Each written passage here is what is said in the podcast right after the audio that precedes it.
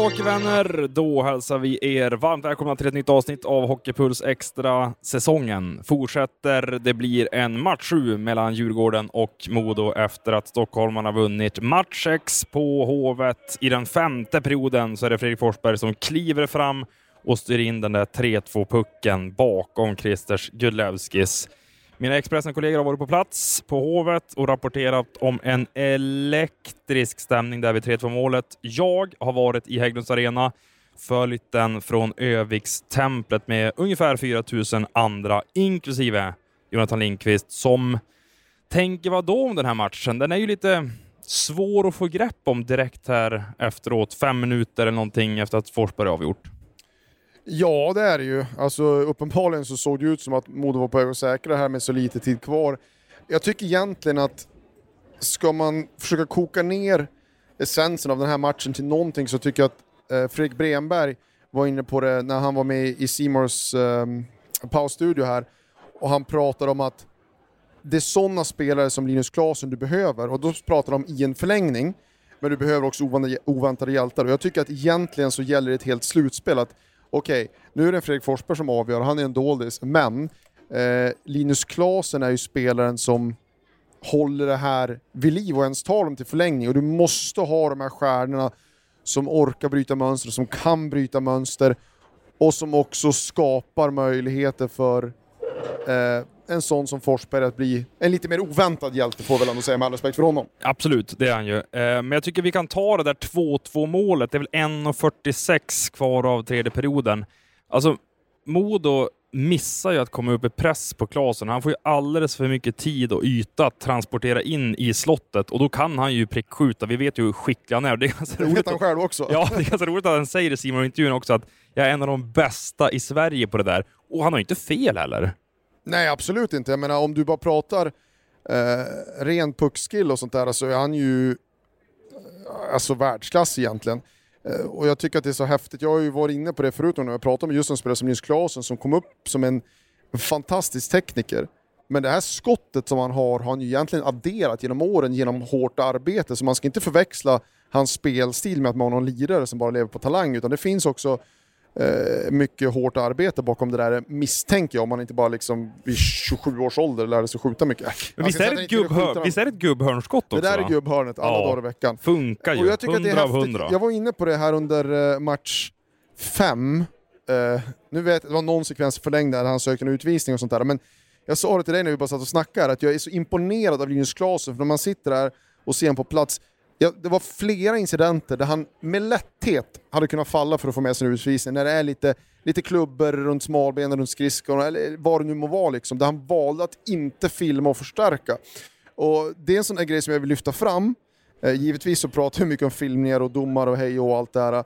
Och när en sån spelare som får så mycket eh, uppvaktning som är över gränsen ibland, inte söker 50-50 situationer utan fortsätter spela, det, det värmer att se och, och, så det vill jag lyfta fram. Det var framförallt för match 5 och sen Eh, men, kan man lyfta fram att han gör ett bra saker offensivt? Ja, det gör han ju absolut. Men han var ju inte speciellt poppis i den här arenan när han säger vi får inga powerplay. Det är som vanligt efter den tredje perioden. Ska några små tassar flytta in hos dig? Hos Trygg Hansa får din valp eller kattunge 25% rabatt på försäkringen första året. Läs mer och teckna djurförsäkringen på trygghansa.se. Trygg Hansa, trygghet för livet.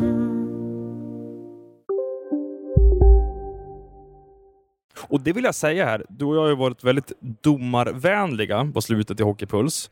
Eh, men jag tycker att de är i princip fläckfria. Den där utvisningen på, det är Adam Pettersson eller Josef Ingman som åker ut, den är väl lite halvbillig. Men alltså som Folkstrand och Westner tar tag i den här sjätte matchen med tanke på kritiken de har fått ut så egentligen hela serien. Ett fullsatt Hovet, vi vet vilket tryck det kan bli där. Och att de har den här matchen. Alltså det är bara, jag säger det här hela tiden i podden, men jag lyfter på den hatt jag inte har. Ja, en grej som jag vill ge Westner också, som jag uppskattar, som man ser på tv-bilderna, nu var inte vi på Hovet, men man vet ju hur högljutt det kan vara, det är att han är så väldigt tydlig i sin fysiska kommunikation. Exakt. Han visar med händerna hur han upplever situationen. Eh, om det är på puck eller vad han nu vill visa liksom. Eh, och det, på, I sådana här matcher när det blir så extremt högljutt, de, de hör inte vad han säger. Så att, att han hjälper spelarna att förstå och fatta att vi ska spela vidare här, det är bara sånt som... Men och kommunikationen med tränaren också. Ja. Alltså hur han åker fram till båset och visar, och som du säger, eh, även med kroppen, liksom hur han har sett på vissa situationer. Eh, jag skulle vilja ta, eller vill du fortsätta där? Nej, men jag tycker att det som, du är inne på någonting när vi pratar om domarna, och om vi då cirklar nu är vi tillbaka... här igen. Ja, nej, men, nej men alltså, nu ska vi inte prata med domarna, men eh, det slår mig när du pratar om dem, om vi går tillbaka till där vi började, det är att det är svårt att få grepp på den här matchen, för det finns inga uppenbara syndabockar. Nej, eller stora snackisar Nej, och det är så ta här- på riktigt. Det det är liksom inga jättetal med målet här, ja det är, det är typiskt förlängningsmål, en styrning, det är vad det är. Josef Eh, Wingman tappar pucken eller misslyckas med sin och så här, rensning. du ger Lin- Linus Klasen får lite för mycket yta och, Mm. eh, och kvitterar med det är inte en jättetavla, det kan ju bli så, de är en spelare mer. Cameron Schilling bröstar inte upp på Micke Lågårds 2-1 mål till exempel. Ja. Alltså lite småmissar här och var på spelarna. Så det är ju liksom... Jag vet inte, jag tror att det är... Jag vet inte om man ska brösta upp det. är Risk att han fått den i rätt i plyta. Ja, jo Så att jag absolut. ska inte klandra honom för det. Men, men summa summarum är väl att det är därför det är en så svårgreppad match, för det går inte att peka på att det var exakt därför Djurgården vann, eller det var exakt därför Modo gjorde bort sig. Men någon slags snabb matchanalys då? Ska vi säga så här, Djurgården dominerar första, Modo tar över i andra, det är ganska jämnt i tredje och sen tycker jag förlängningsspelet, det är lite 50-50. Båda har varsitt powerplay, jag tycker att det är chanser åt båda håll. Så man känner ju inte att det är orättvist heller att det är Djurgården som tar hem det här. Jag skulle gissa att Modo, om man skulle prata liksom förväntade mål, Ja, då har de ju ett högre det tror jag att de har. värde än vad Djurgården har. Så att de, jag tror de skapade lite mer, men det spelar ingen roll. Och sen, om vi nu ska liksom ta med oss någonting från den här matchen, eh, som om Djurgården vinner det här, kan och borde bli en, en legendarisk insats, så är det ju Marcus Gür som kommer in här på ett ben och gör det här första målet. Det är ju en, Mm. det är en sån grej som kan göra en spelare odödlig. Ja, alltså jag undrar hur skadad han är. Vi vet att han har problem med om det är armen eller handen och ja, knät nu efter match fem i Örnsköldsvik. Och han spelar ju bara, ska vi säga, 14 minuter. Hade han varit med hela fighten här, då hade han ju legat uppemot 30. Och det för oss in på en spelare som jag vill passa på att hylla här. För jag tycker att det här är lite revanschernas kväll för vissa djurgårdare.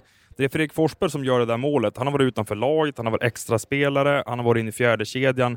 Han har ju aldrig fått några rubriker eller stora minuter av varken Garpenlöv eller Fagervall tidigare. Eh, så han steppar ju upp här, men jag tycker att rubrikernas man på något sätt blir Kevin Karlsson. I fjol var han Trojas överlägset bästa back. Jag gillade skarpt att Djurgården tog in honom. Men jag, faktiskt så känner jag att under hösten och delar av vintern så har han misshandlats av tränarstaben. Han har inte fått de minuter han förtjänar. För att han är så puckskicklig, en av få i Djurgården faktiskt som klarar av att hålla pucken på bakplan och leverera de här första passningarna. För de har inte sån spelskicklig backsida. Modo är mycket, mycket bättre i den aspekten. Och sen tycker jag att han har ett fysiskt spel i sig också, det där elementet som han adderat här på slutet. Vi såg att det var en eh, fin propp på Erik Rydinus och Karlsson, jag vet inte om du märkte den? När han stod upp i egen zon. Så att jag tycker Kevin Karlsson, det är lite eh, match 6-man här. Om man kan säga så. Det var lite svårt att säga kände jag. Ja, det var, du får hitta ett bättre term. Ja. Matchens lirare i den sjätte matchen. Nej, det, blir Ja, också, det funkar ju alltid. Det blir ju också dubbel. Ja, jo men alltså, han är ju liten till växt, han märks kanske inte. Men han sätter ju inte en skridskofel. Ja, Jag tycker han är, och tillsammans med Edvin Hammarlund, alltså det är ju lite unsung heroes här för Djurgården måste man säga. Ja, okej. Nu, nu, nu skiftar vi fokus till dig. Du lyfter fram det i Djurgården. Då får du peka på någonting eller någon i Modo. Bra eller dåligt? Du får bara liksom, vad, vad är grejen där? Eh, jag skulle vilja säga att eh, Theodor, Theodor Niederbach fortsätter vara väldigt, väldigt bra för Modo. Eh, han hade någon match på Hovet där jag tycker att han gick ner sig lite grann, men han vågar, precis som Bremberg var inne på i pausen som du lyfte fram, så är han ju en Modospelare som vågar hålla i pucken och transportera den över linjerna. Eh, när det är så här nervigt som det är ute på isen och även bland supporterna så är det väldigt lätt att man bara dumpar ner byter, dumpar ner byter för man vill inte göra misstag. Men jag tycker Ni- Niederbach vågar på ett sätt som fler Modospelare och kanske Djurgårdare även behöver göra en sån här match. Så han tycker jag är bra. Han gör ju också det första målet. Alltså, återigen, gubbhörnet.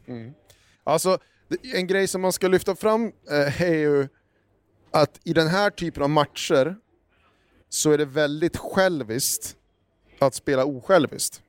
Mm, precis. Mm, att vara den spelaren som hela tiden flyttar över ansvar på dina lagkompisar, att våga göra det avgörande och ta riskerna. är Som, som jag gör på lunchhockeyn. Nej, absolut inte. Du dribblar hela tiden. Nej, jag, jag passar väl hela tiden. Skitsamma, jag behöver inte nämna det där. Fortsätt.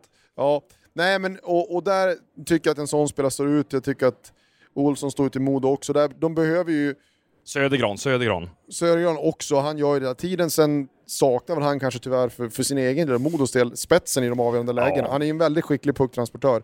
Eh, var inne på, han ser ut som Pierre Engvall lite grann. Ja, jättebra liknelse från Eh, dig. Och, det måste vara en av de mest frustrerande spelarna i hela Hockeyallsvenskan. Det här har vi pratat tidigare om i Hockeypuls Extra med andra gäster. Men alltså, han ser ut som en rund miljon där ute på isen, men ingen slutprodukt. Överhuvudtaget. Nej. Sen har han ju en ass idag till Theodor Niederbach i och för sig, men han har ju väldigt svårt att kapitalisera på sina egna chanser. Men det är också en sån grej, framförallt för den typen av spelare som är lite större, lite avare, som kan komma eh, med tid. Eh, så, att, så att det ska man inte avfärda. Det är, nu pratar vi här och nu, det finns alla möjligheter för honom att, att hitta en väg för att vara mer eh, produktiv och effektiv eh, som spelare, för det finns ju väldigt kittlande verktyg där som få andra spelare har. Så så är det, men, men, men det är ju en ett problem för en annan håller jag på att säga.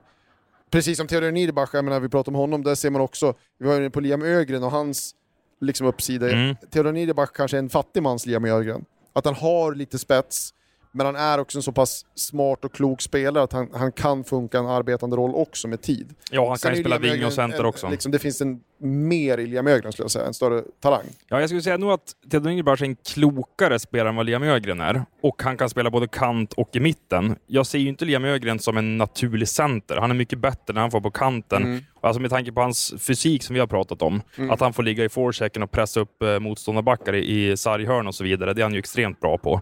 Eh, men, men nu har vi pratat på det i 10-11 minuter. Jag känner att det måste vara dags för eh, första intervjun i Hockeypuls Extra, eh, söndagsavsnittet. Lördagsavsnittet. Vad blir det för dag? Jo, lördagsavsnittet är det. Eh, eh mina kollegor på Hovet, eh, Johan Svensson, Filip Gadd, Svante Störlinge, har träffat spelare, kanske tränare. Jag vet inte vem det är som kommer in nu, men jag gissar att det är en matchhjälte eller någon som har spelat en betydande roll för Djurgården. Hur kändes det att slå in den pucken i mål? Ja, men det var en obeskrivlig känsla. Eh, Det är någonting man tänker på hela tiden och som man drömmer om. Eh, Så det, den har inte riktigt landat ännu heller, men det var obeskrivligt. Och känslorna efteråt när ni får fira med publiken? Ja, men det är fantastiskt. Eh, De har gjort så otroligt mycket för oss hela säsongen. Det är skönt att vi bjuder tillbaka lite också. Det är fantastiskt tryck här inne på Hovet hela tiden och ja, det var otroligt. Redo att spela de här övertidsperioderna när ni vet att ett mål i baken så är det över? Eh, man försöker ju inte tänka så jättemycket på det utan man vill ju avgöra matcherna. Eh, Men, eh, nej, men det var skönt att vi avgjorde idag. Och nu så är det en sjunde avgörande. Vilka är det som sitter i förarsätet nu? Är det Djurgården eller Modo? Eh, Jag skulle säga att det är vi. Varför då? Vi fick vinna, vi har vunnit två raka matcher här nu och det är 3-3. De har haft 3-1 i matcher och jag tycker de ser lite tröttare ut än vad vi gör. Vad är det som gör att ni vinner den här matchen? Vad är avgörande, bortsett från målet såklart? Men Eh, nej men som jag sa, jag tycker att vi ser lite piggare och fräscha ut än vad de gör. Vi har bättre ork och vi håller oss eh, till vårt spel och tror på det vi gör hela vägen. vad händer i kroppen när, när segermålet sitter? Ja, det är alldeles för mycket. Det är, jag vet faktiskt inte riktigt, men det är ett otroligt lyckorus som bara går igenom gåshud och rysningar hela tiden.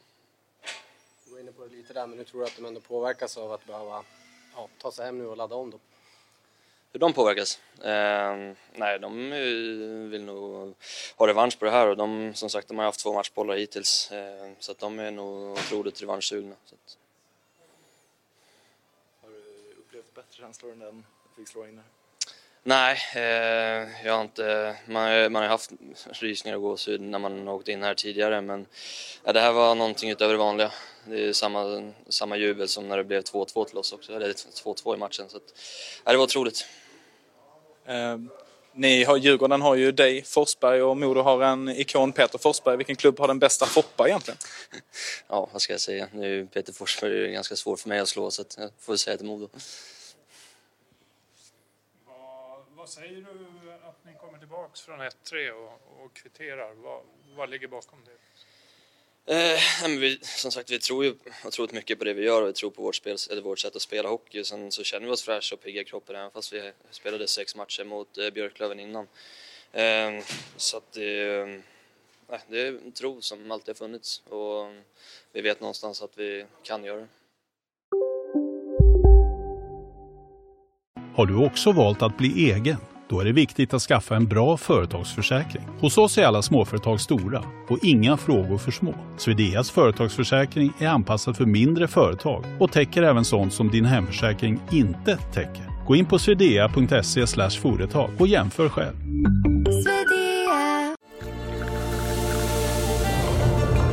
Välkommen till Maccafé på utvalda McDonalds restauranger med Baristakaffe till rimligt pris. Vad sägs om en latte eller cappuccino för bara 35 kronor? Alltid gjorda av våra utbildade baristor.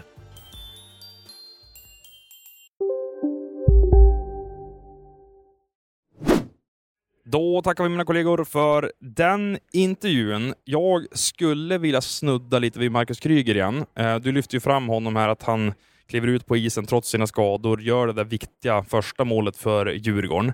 Men han spelar bara 14 minuter, kliver av i andra perioden tror jag att det är.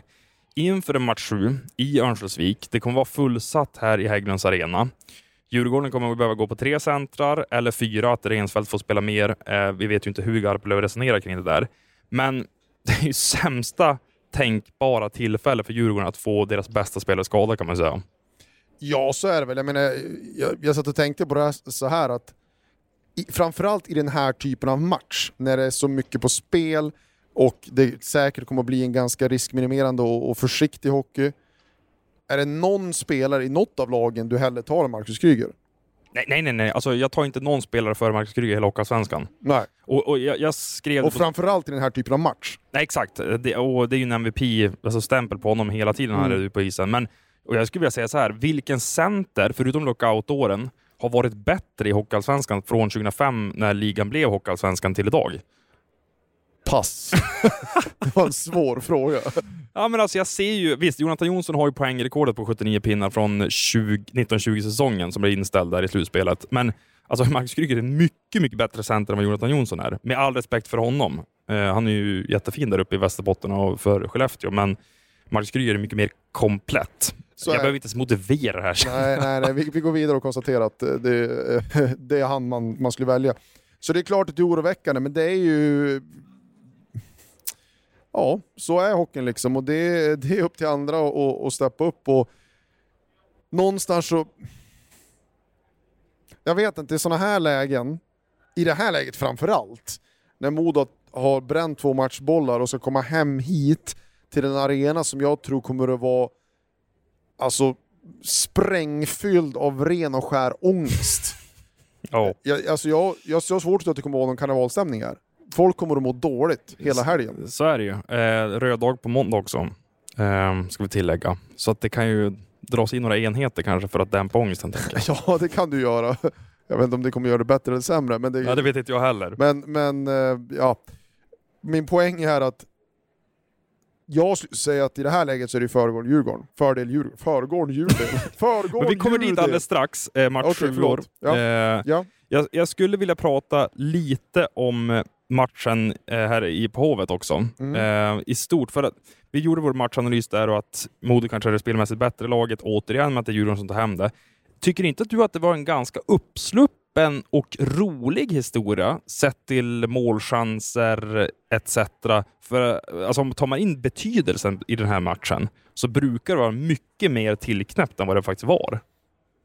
ja, det har du faktiskt helt rätt i. Jag har inte ens tänkt på det i det sättet. Nej, men en det- det var- 3-2 i finalen, Mm. då tänker man att okej, nu är det bara minimera, minimera, minimera misstag. Kände vad snabb jag var där. Ja, Så jag jag tror alla förstår poängen. Det ska vara få misstag. Ja. Nej, men alltså, det är ofta det man ser i den här typen av tillställningar. Men det var ju underhållande att se match 6. Ja, det här var ju en, alltså en jättebra match på alla sätt och vis. Den kanske saknade, alltså det enda den saknade var väl kanske lite, lite liksom fysik och, och Mm. den, den delen av spelet. Men i övrigt så hade den väl allt man kan begära av en, en hockeymatch. Men det ska vi väl säga egentligen om den här finalserien i stort, att jag tycker att den har varit ganska snäll. Mm. Alltså om man ser till antalet tacklingar och fula smällar och så vidare. Alltså det är någon crosscheck, en viss från Hammarlund, det är någon från Kryger där och det har säkert varit någon från de modespelare som jag glömmer bort just nu. Men överlag i de här sex matcherna så har det inte varit så många heta Nej, situationer. och det ska vi säga att min eh, personliga känsla för det här, det här är ju ingen eh, statistiskt underbyggd åsikt, det är ju att eh, serien blir snällare och snällare ju längre ett slutspel går. Mm. Eh, Första rundan så har du nummer ett en massa adrenalin som är svårtyglad. Du har fortfarande mer energi. Eh, Så att det är enklare rent fysiskt att orka med att smälla på, forechecka, att, att bråka efter visslar och så vidare. Men sedan kommer ju också den här, ju längre du kommer desto mer har du att förlora på något sätt. Eh, och den här rädslan för utvisningar som jag tycker man nästan kan känna i vissa matcher och se på vissa spelare. Förut pratade man om spelare som var rädda för att få stryk eh, i form av tacklingar och sånt. Nu känns det som att många, fler spelare åker runt och är rädda för att dela ut stryk för att dra på sig utvisningar. Helt rätt. Eh, nu, dags för en modeintervju. Jag vet inte med vem och jag vet inte vem som intervjuar, men här kommer den i alla fall. Ja, det kändes ju nästan som att du skulle bli den stora hjälten. Eh, Vad tänker du? Det är klart, det är otroligt surt och väldigt besviken just nu. Men eh, det är bara liksom att ladda om och eh, vi vet att det ska bli en grym, eh, grym match hemma. Eh, om vi skulle ha sagt inför säsongen att vi skulle kunna få avgöra på, i match sju hemma, men då har de tagit det alla dagar i veckan. Så, eh, det, är bara, det är klart det är surt just nu, men eh, det är ladda om och se fram emot på söndag. Jag förstår att ni måste ladda om, men om vi blickar tillbaka lite på det som händer här på isen när Linus Klasen gör målet. Eh, är det din miss eller vad tänker du? Ja, absolut. Jag måste gå på honom lite hårdare där. Sen... Eh, det är klart, det, jag är inne som jag känner vi är inne i ett långbyte och man är trött och liksom allt sånt där. Men eh, det är klart, det är ingen ursäkt. Så ja, men den får jag ta för mig. Vad tänker du nu inför match sju? Ni eh, har ju förlorat eh, på hemmaplan eh, två gånger tidigare, men ni har ju också vunnit på hemmaplan. Vad tänker du?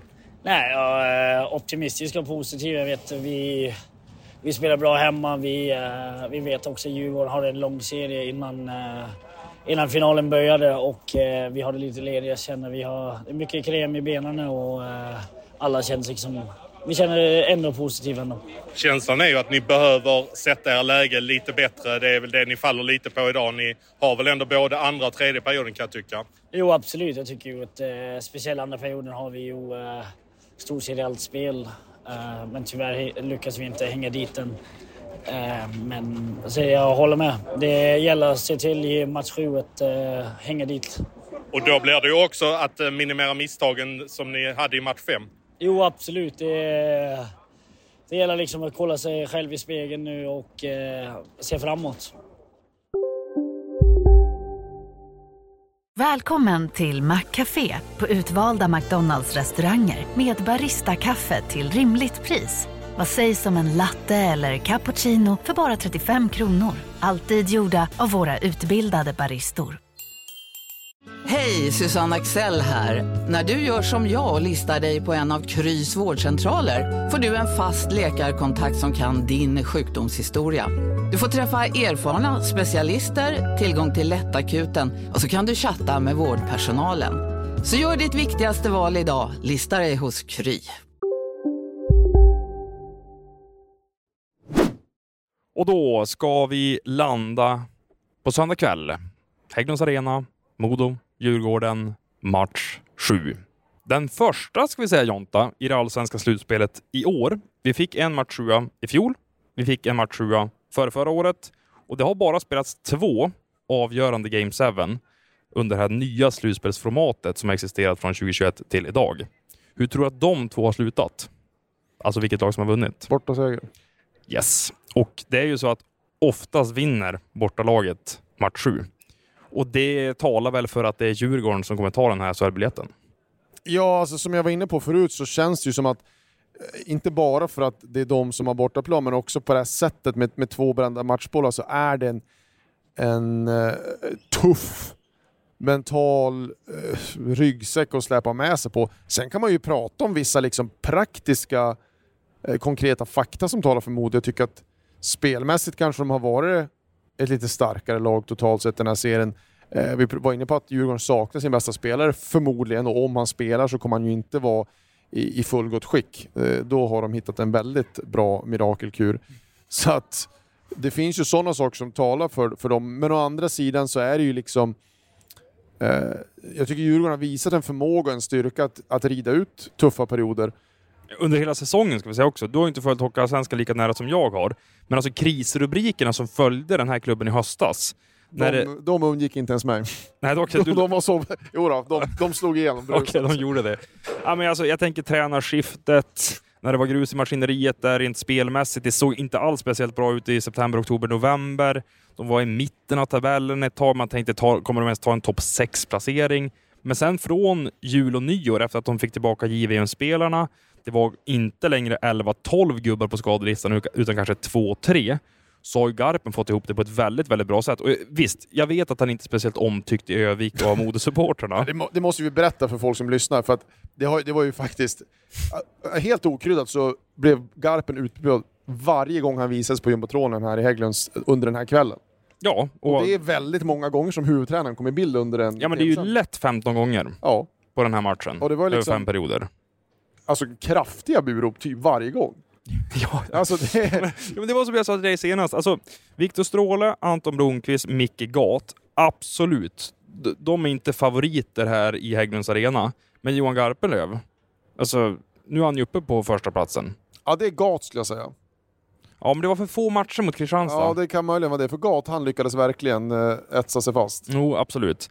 Ehm, nu undrar jag vart vi ska någonstans. Jo, jag tänker så här. Eh, det har ju aldrig hänt tidigare att ett lag har vänt ett 1-3 underläge till 4-3 vinst i en finalserie i svensk ishockey. Alltså varken i SM-slutspelet eller i HA. Eh, nu får vi se om det händer på söndag.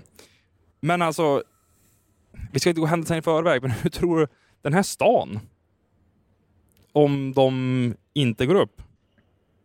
Alltså Modo. Ja, alltså så här. Jag tror ju att Djurgården är bättre rustade för att ta ett missat avancemang. Eh, för att de är uppenbarligen kortare in på det här allsvenska eh, äventyret, eller vad vi ska kalla det för. Eh, det finns någon an, ett annat tålamod. Jag, jag tror att många här i Övik känner att blir det en miss nu, då är det, kan det vara fem år till innan man får en sån här chans. Om ens det. Ja, men alltså framförallt när man tittar på hur Brynäs har börjat bygga sitt lag för 23-24 och även andra hockeyallsvenska konkurrenter med Löven, Södertälje, Mora etc. Så det kommer vara tufft även nästa år. Sen håller jag väl inte riktigt med om att jag tror att Modo skulle vara sämre rustade än vad Djurgården är nästa år för att de har väldigt många spelare under avtal. Nej, inte jag tror inte så... att jag menar att laget är sämre rustat. Jag menar när du frågar hur stan skulle ta det. Ja, Jag tror att Djurgårdens supportrar skulle ta den här förlusten bättre. Eh, och att liksom energin i klubben och alla de bitarna. att Ja visst, det skulle vara en jättetung smäll, men det är ändå första försöket. Mm. Det börjar bli några år för Modo nu. Det har blivit ett imponerande sätt tycker jag att försöka nu göra det här på rätt sätt, att bygga långsiktigt. Du har tagit in en ledare på, på tränare, tränarposition, en ledare på sportchefsposition som, som man tror och hoppas är långsiktiga lösningar. Och jag upplever att det finns en, en insikt i klubben nu att man måste ha en kontinuitet i det här och, och ge sig själv chansen. Men För det ska man säga, den är ju mer välmående idag än 2016. Alltså både när man tittar till ledarsidan, kontinuiteten på spelarsidan och rent ekonomiskt. Alltså, som Modo mår idag, alltså jag- det är väl tillbaka till 2007, 2008, 2009 där innan de började göra, av med, göra sig av med Ecke Holmberg och 7-8 tränare på 10 år eller vad det var. Mm. och jag tror att Så att de har ändå mm. tagit sig till en viss platå där de kan ändå känna en viss trygghet inför framtiden om de skulle bli kvar i Hockeyallsvenskan. Så kan man ju säga. Och det, det jag tror är att, som kan man då prata liksom klubben och, och effekterna, är ju att, säg att Modo bommar nu, säg att de ändå ställer ett bra lag på isen nästa säsong, ett, ett förmodat topplag som går ganska bra, så börjar de ju ändå närma sig här, det spelar ingen roll vad ni gör i grundserien-stadiet. Exakt. Nu, för nu handlar det bara om att gå upp. Och då kommer du in på de bitarna som är mer ekonomiska, sälja biljetter, alltså varumärket om man så vill, men liksom känslan kring klubben som har varit positiv de senaste åren. Så att den pikade någonstans eh, coronasäsongen. Eh, då det var ett extremt go runt laget och, och sen har den ju... Bara för, för Eh, tydliga, när du säger coronasäsong, då är det 1920, inte 2021. Precis den säsongen som avbröts av corona. Ja, när Björn var- Hellkvist det var, i det var tränarbåset. bra förtydligat. Mm. För det, året därefter så är de väl 12 av sin sämsta säsong i modern Exakt. historia. Och det var ju faktiskt också en coronasäsong. Ja. Eller det var väl det som var coronasäsongen. Precis, så jag ville bara Ja, in, mycket bra Adam. Helt rätt av mig. Fel av mig. Den avbrutna säsongen kallar vi den säsongen. Ja, så kan vi göra. Så kan vi göra. Ja, nej, så att det skulle ju vara en, en tuff grej och det är såklart en intressant utveckling på det sättet att se hur, eh, hur den här staden skulle hantera en sån käftsmäll som en förlust, och en förlust på det här sättet skulle vara. Det är ju, alltså det ska vi komma ihåg att om vi nu ska ta en historisk kontext, eh, det här är en klubb som har upplevt några tuffa finalförluster. Eh, om man går tillbaks till såklart 94 med Peter Forsberg, 99 med bröderna Sedin. Väldigt, väldigt speciella lag. 0-0. Men även, så är ni på 0-0 eh, och 0... Eh, 2. 0-2, tack. Det var inte lika speciella lag och de finalerna var mer kanske så här, okej, bra gjort att ta sig dit och hade de lyckats vinna hade det varit en skräll. Men det är ändå finalförluster. Men det var framförallt 99, eh, 99 och 94 som på något sätt hemsöker. Eh, och det är med tanke på klubbens historik, eh, två SM-guld, sett till alla spelare man producerat, sett till placeringen i maratontabeller och annat, är inte det jättebra. Så det finns ju inte den, vad ska man säga, självsäkerheten hos den här supporterbasen att det här är en vinnarklubb. Nej, och sen har de en viss match 7 förbannelse också om man tittar tillbaka på de senaste tio åren. Leksand 2016 förlorar här på hemmaplan. Förra året mot Björklöven förlorar också match 7 i semifinalen. Så att den måste ju brytas nu, eh, får man ju säga, för att de ska kunna ta ja, vilken självklarhet, avsluta med en kanonanalys. Ja. Men eh, så här, jag fick nyss veta från eh, våra kollegor, eller mina kollegor ska jag säga, du jobbar inte på Expressen, eh, att eh, Garpenlöv ska ha sagt så här om Kryger, att det finns en vettig chans att han spelar på söndag, men vi får se hur han mår imorgon. Det finns i alla fall en chans. Alltså att han skulle spela i den här matchen då. Ja, precis. Och det gjorde han ju. 14 minuter. Det är väl inte hela matchen? Nej, men... Nej. Han sa i intervjun att han ska spela hela matchen. Sa han hela matchen? Roligt. Ja, det missade jag. Alltså, jag, eller jag tänker på Expressen-intervjun vi gjorde med honom inför. Jag tänkte på Lars Lindbergs eh, fantastiska intervju i en annan tv-kanal som inte är, eh, också går att titta på, liksom att man kan titta på Viaplay som vi också bör nämna i sammanhanget. Nej, det var bra jobbat Lars. Eh, ja, eh, vi är i alla fall inte vid eh, söndag kväll än, eh, men vi kan lova ett nytt Hockeypuls Extra imorgon. Då kanske det kommer lite andra intervjuer också från de båda lägren. Vi tackar dig Jonte också för att du var med, jag och lyssnarna. Alltid ett nöje, väldigt kul. Mm, tack Adam och lyssnarna. Och så säger vi... Vet du vad som kom upp i mitt huvud där? Hasta la vista baby. yes, okej. Tillbaka imorgon igen. Puss och kram på er. Hej. Hej.